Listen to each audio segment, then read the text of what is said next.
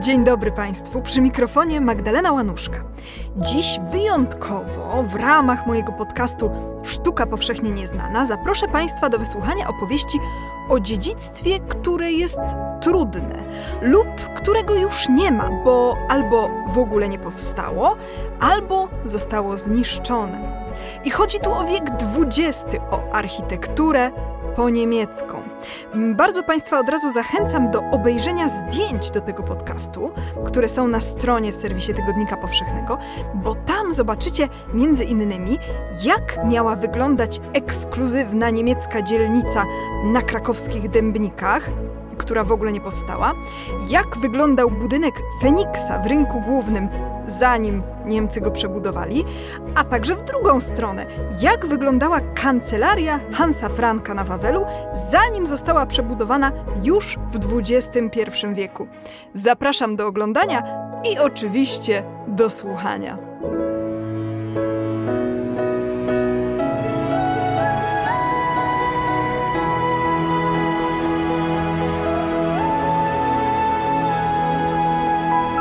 Podcast powszechny.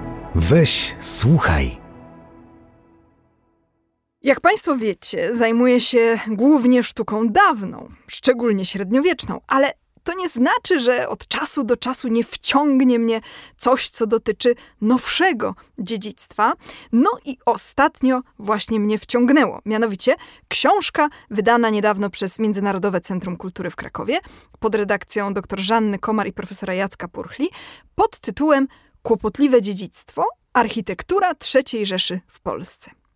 Książka ta została wydana również po angielsku i powiem Państwu, że jestem bardzo ciekawa, jaki będzie jej odbiór, dlatego że moje osobiste doświadczenia rozmów z powiedzmy no, Brytyjczykami czy Amerykanami, czy generalnie z kolegami z zachodniej Europy, doprowadziły mnie już kiedyś do wniosku, że oni nie zdają sobie całościowo sprawy z tego, jaki my tu mamy kocioł w Europie Środkowej, jeśli chodzi o dziedzictwo kontekst narodowościowy.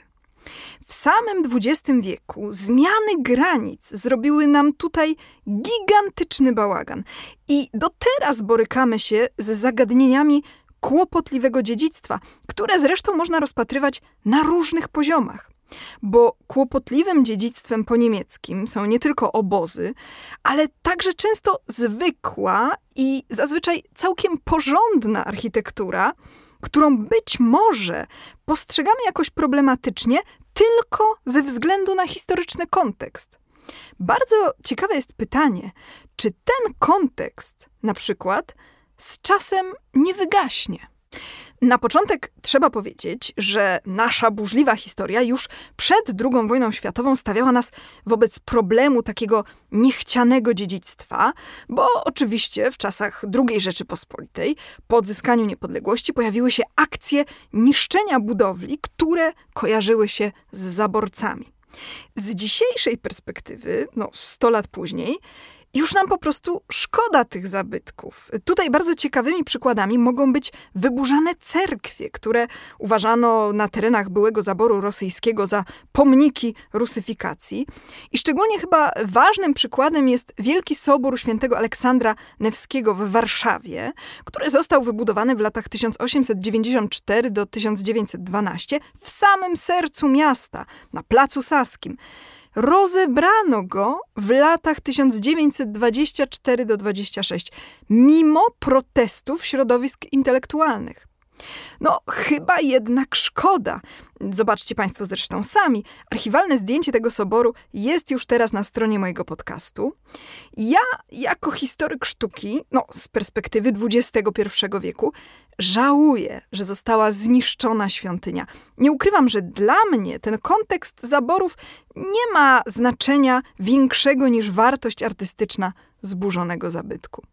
Oczywiście trzeba powiedzieć, że jeśli mówimy o architekturze poniemieckiej, to zupełnie inny jest kontekst historyczny dla, no powiedzmy, Krakowa, a inny dla tak zwanych ziem odzyskanych, przyłączonych do Polski po II wojnie światowej.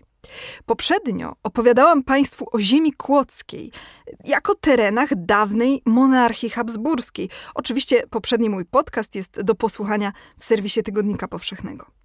Generalnie te nasze zachodnie ziemie mają bardzo dużo poniemieckiego dziedzictwa, powstałego zupełnie w innym kontekście, po prostu wynikającego z historii tych terenów.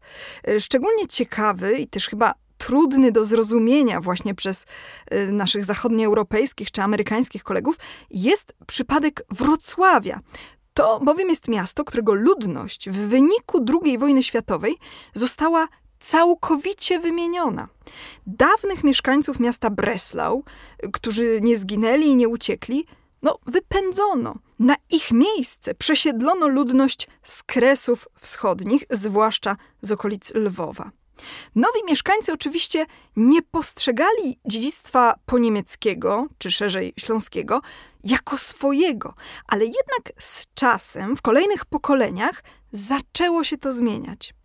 Ja powiem Państwu prywatnie, że dla mnie bardzo ciekawe w kwestii tych zawirowań powojennych były wspomnienia moich babci, bo one obie z, z obu stron jakoś tam zetknęły się z problemami tych powojennych przesiedleń. Jedna moja babcia, która zresztą urodziła się w Białymstoku, po wojnie znalazła się w Lęborku, w dzisiejszym województwie pomorskim i mówiła mi kiedyś o tym, że widziała, jak wyglądały mieszkania opuszczone przez wysiedlanych Niemców, którzy przecież żyli tam z dziada pradziada. Lęborg był od wieków miastem niemieckim, przyłączonym do Polski dopiero po II wojnie światowej. I moja babcia mówiła, że ci Niemcy musieli ewakuować się w takim tempie, że te mieszkania pełne były zostawionych rzeczy, a nawet jedzenia, porzuconego jakby w trakcie przygotowywania obiadu. Druga moja babcia trafiła natomiast na Górny Śląsk, właśnie z obwodu lwowskiego. I powiem Państwu, że pół wieku później ona wciąż miała ten miękki wschodni akcent. Wymawiała L w taki sposób, którego ja nawet nie umiem powtórzyć, no a poza tym podawała pierogi ruskie ze śmietaną. W każdym razie chodzi mi o to, że wiem z rodzinnych doświadczeń, że te przesiedlone pokolenia wcale się z nowym regionem nie zasymilowały. Więc oczywistym jest, że zastane na miejscu po niemieckie dziedzictwo musiało być dla nowych mieszkańców mniej lub bardziej kłopotliwe. Tymczasem, jeśli chodzi o moją osobistą perspektywę, no to jest ona nieco inna niż moich babć, bo ja jestem z Krakowa. I tutaj też była interesująca sytuacja.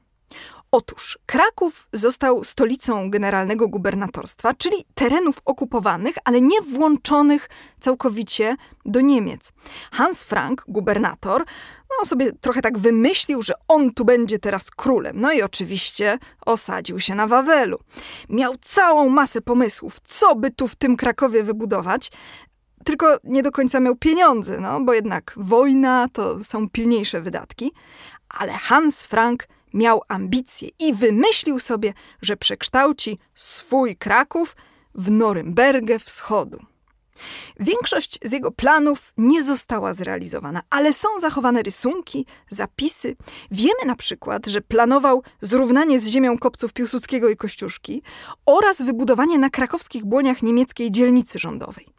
Potem jednak pojawiła się koncepcja alternatywna, aby tę ekskluzywną niemiecką dzielnicę usytuować na Dębnikach. Projekt wykonał lipski architekt Hubert Ritter i ten projekt był tak spektakularny, że do dziś cytuje się go jako jeden z najwybitniejszych projektów urbanistyki III Rzeszy. To jednak było zaplanowane ze zbyt dużym rozmachem, więc nie zostało zrealizowane. Ale jeśli chcecie sobie Państwo to wyobrazić, to zdjęcia modeli i plany pochodzące z artykułu profesora Jacka Purchli ze wspomnianej książki Kłopotliwe dziedzictwo możecie Państwo już teraz zobaczyć na stronie mojego podcastu w serwisie Tygodnika Powszechnego. Z drugiej jednak strony, no coś tam oczywiście z budownictwa mieszkaniowego powstało w Krakowie w czasie okupacji i ja myślę, że bardzo ciekawym przykładem jest zabudowa ulicy Królewskiej. Tam wzniesiono kompleks domów i bloków, krytych czterospadowymi dachami z ceramiczną dachówką, i te bloki ustawione prostopadle do ulicy tworzą wewnętrzne dziedzińce otoczone zielenią. Jest to zaprojektowane tak, aby było powietrze i światło, po niemiecku Licht und Luft. I właśnie jest dużo zieleni. No i dzisiaj nikt już na te bloki nie patrzy negatywnie. Przeciwnie, to są bardzo prestiżowe nieruchomości. Nie tylko ze względu na położenie w centrum Krakowa, ale także właśnie dlatego, że są bardzo dobrze zaprojektowane i zrealizowane. Zresztą badania zachowanych dokumentów pozwalają stwierdzić, że w budowę tego osiedla pod nadzorem Niemców było wówczas zaangażowanych wielu lokalnych polskich architektów. Można by zatem powiedzieć, że niektóre przynajmniej poniemieckie realizacje nie powinny nam już dzisiaj przeszkadzać. A tymczasem okazuje się, że wciąż mamy problem, czego dowodem może być historia jednego z budynków na Wawelu. Sztuka powszechnie nieznana. Opowiada Magdalena Łanuszka. Zamek Królewski na Wawelu w czasach zaborów niestety był siedzibą austriackiego wojska i uległ daleko posuniętej dewastacji. Potem w okresie międzywojennym była wielka, kompleksowa renowacja. To swoją drogą, teraz tak sobie myślę, jest temat na osobny podcast. Ja bardzo chętnie kiedyś o tym Państwu opowiem, jak wyglądała renowacja i odbudowa Wawelu i jakie były na to plany. No ale potem, jak sobie tutaj Hans Frank osiadł, no to oczywiście zaczął robić po swojemu. I tutaj szczególnie interesującym przypadkiem jest budynek numer 5, który był kancelarią Franka. To jest budowla zamykająca dziedziniec Zamku Królewskiego od strony zachodniej, z podcieniami. W XVI wieku tam były kuchnie królewskie. To było potem kilkakrotnie przebudowywane. I od strony dziedzińca zewnętrznego w czasie okupacji powstały tam biura gubernatora. Był tam kamienny balkon z charakterystycznymi, długimi drzwiami. Jeszcze w początkach XXI wieku on tam cały czas był, ale teraz już go tam nie zobaczycie, ponieważ po 2006 roku budynek numer 5 na Wawelu został w ramach prac renowacyjnych pozbawiony tych elementów architektonicznych, które kojarzyły się z architekturą nazistowską. Tylko, że to jest w zasadzie zniszczenie świadectwa historii tego miejsca, bez sensownej przyczyny. Y, ja nie odnoszę wrażenia, żeby ponad 70 lat po wojnie te akurat elementy jakoś tu strasznie przeszkadzały. Zresztą to nie jest tak, że budynek został przywrócony do swojej oryginalnej formy. To jest po prostu dość dowolne przerobienie istniejącej budowli, zniszczenie świadectw jej historii. No więc ja nie mam przekonania, że to był dobry pomysł z tą przebudową na Wawelu, ale z drugiej strony myślę, że bardzo ciekawe byłoby przywrócenie oryginalnych form Feniksa, czyli domu przy rynku głównym nr 41 w Krakowie. To budynek wzniesiony według projektu Adolfa Szyszko-Bohusza z roku 1932 i ten projekt był niesamowicie nowoczesny, zwłaszcza w kontekście przestrzeni historycznego rynku głównego w Krakowie. To był oczywiście kontrowersyjny, ale znakomity modernistyczny budynek. Zresztą jego projekt też ewoluował. Na początku Szyszko Bochusz zaproponował formy historyzujące, były koncepcje neorenesansowe. Na koniec powstała bardzo odważna, nowoczesna bryła. No i takiej nowoczesności Niemcy nie byli w stanie strawić, zwłaszcza w rynku, który oczywiście w czasie okupacji otrzymał nazwę Adolf Hitler Platz. Uznano, że żydowscy architekci wprowadzili amerykański wieżowiec w przestrzeń rynku, aby zniszczyć piękno średniowiecznego niemieckiego Krakowa. W rezultacie fasadę obklejono klasycyzującymi pilastrami od strony widocznej z rynku, czyli także kawałek od ulicy Świętego Jana. No i przede wszystkim niestety została zniszczona nowoczesna kominowa attyka, która stanowiła bardzo ważny element tego projektu. Już teraz na stronie mojego podcastu możecie Państwo zobaczyć zdjęcia sprzed nazistowskiej przebudowy oraz obecne.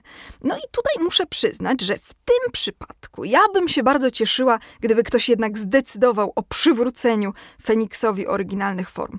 Za 10, y, no za 11 lat będzie stulecie zaprojektowania tego domu. To może byłaby dobra okazja, żeby jednak te niemieckie przeróbki z niego wycofać.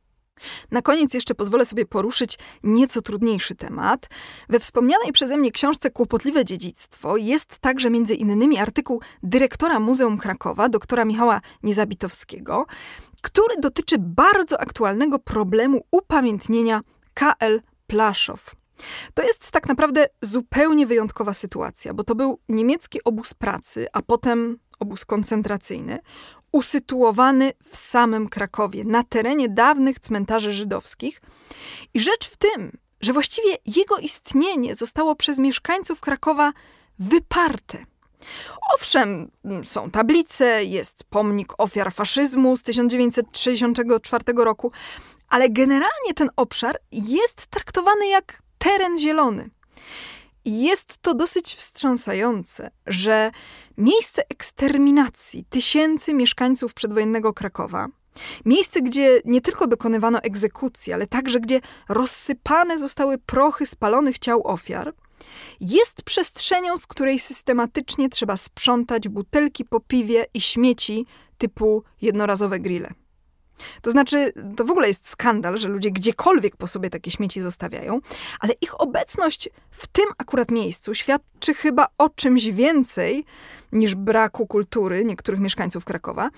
Świadczy też właśnie o wyparciu tego najtrudniejszego kawałka historii w tym miejscu. Nie jest także tajemnicą, że mieszkańcy okolicznych osiedli nie chcą wcale, żeby tereny zielone za ich oknami zostały zamienione w miejsce upamiętniające zagładę. Dyskusje i spory wokół tej sprawy ciągną się od lat, ale teraz może jednak coś ruszy, ponieważ teren ten jest pod opieką Muzeum Krakowa i wreszcie kilka miesięcy temu powołano do życia Muzeum Miejsce Pamięci KL Plaszow. Tak czy inaczej, w końcu będziemy się musieli w Krakowie zmierzyć z pamięcią o tym trudnym dziedzictwie.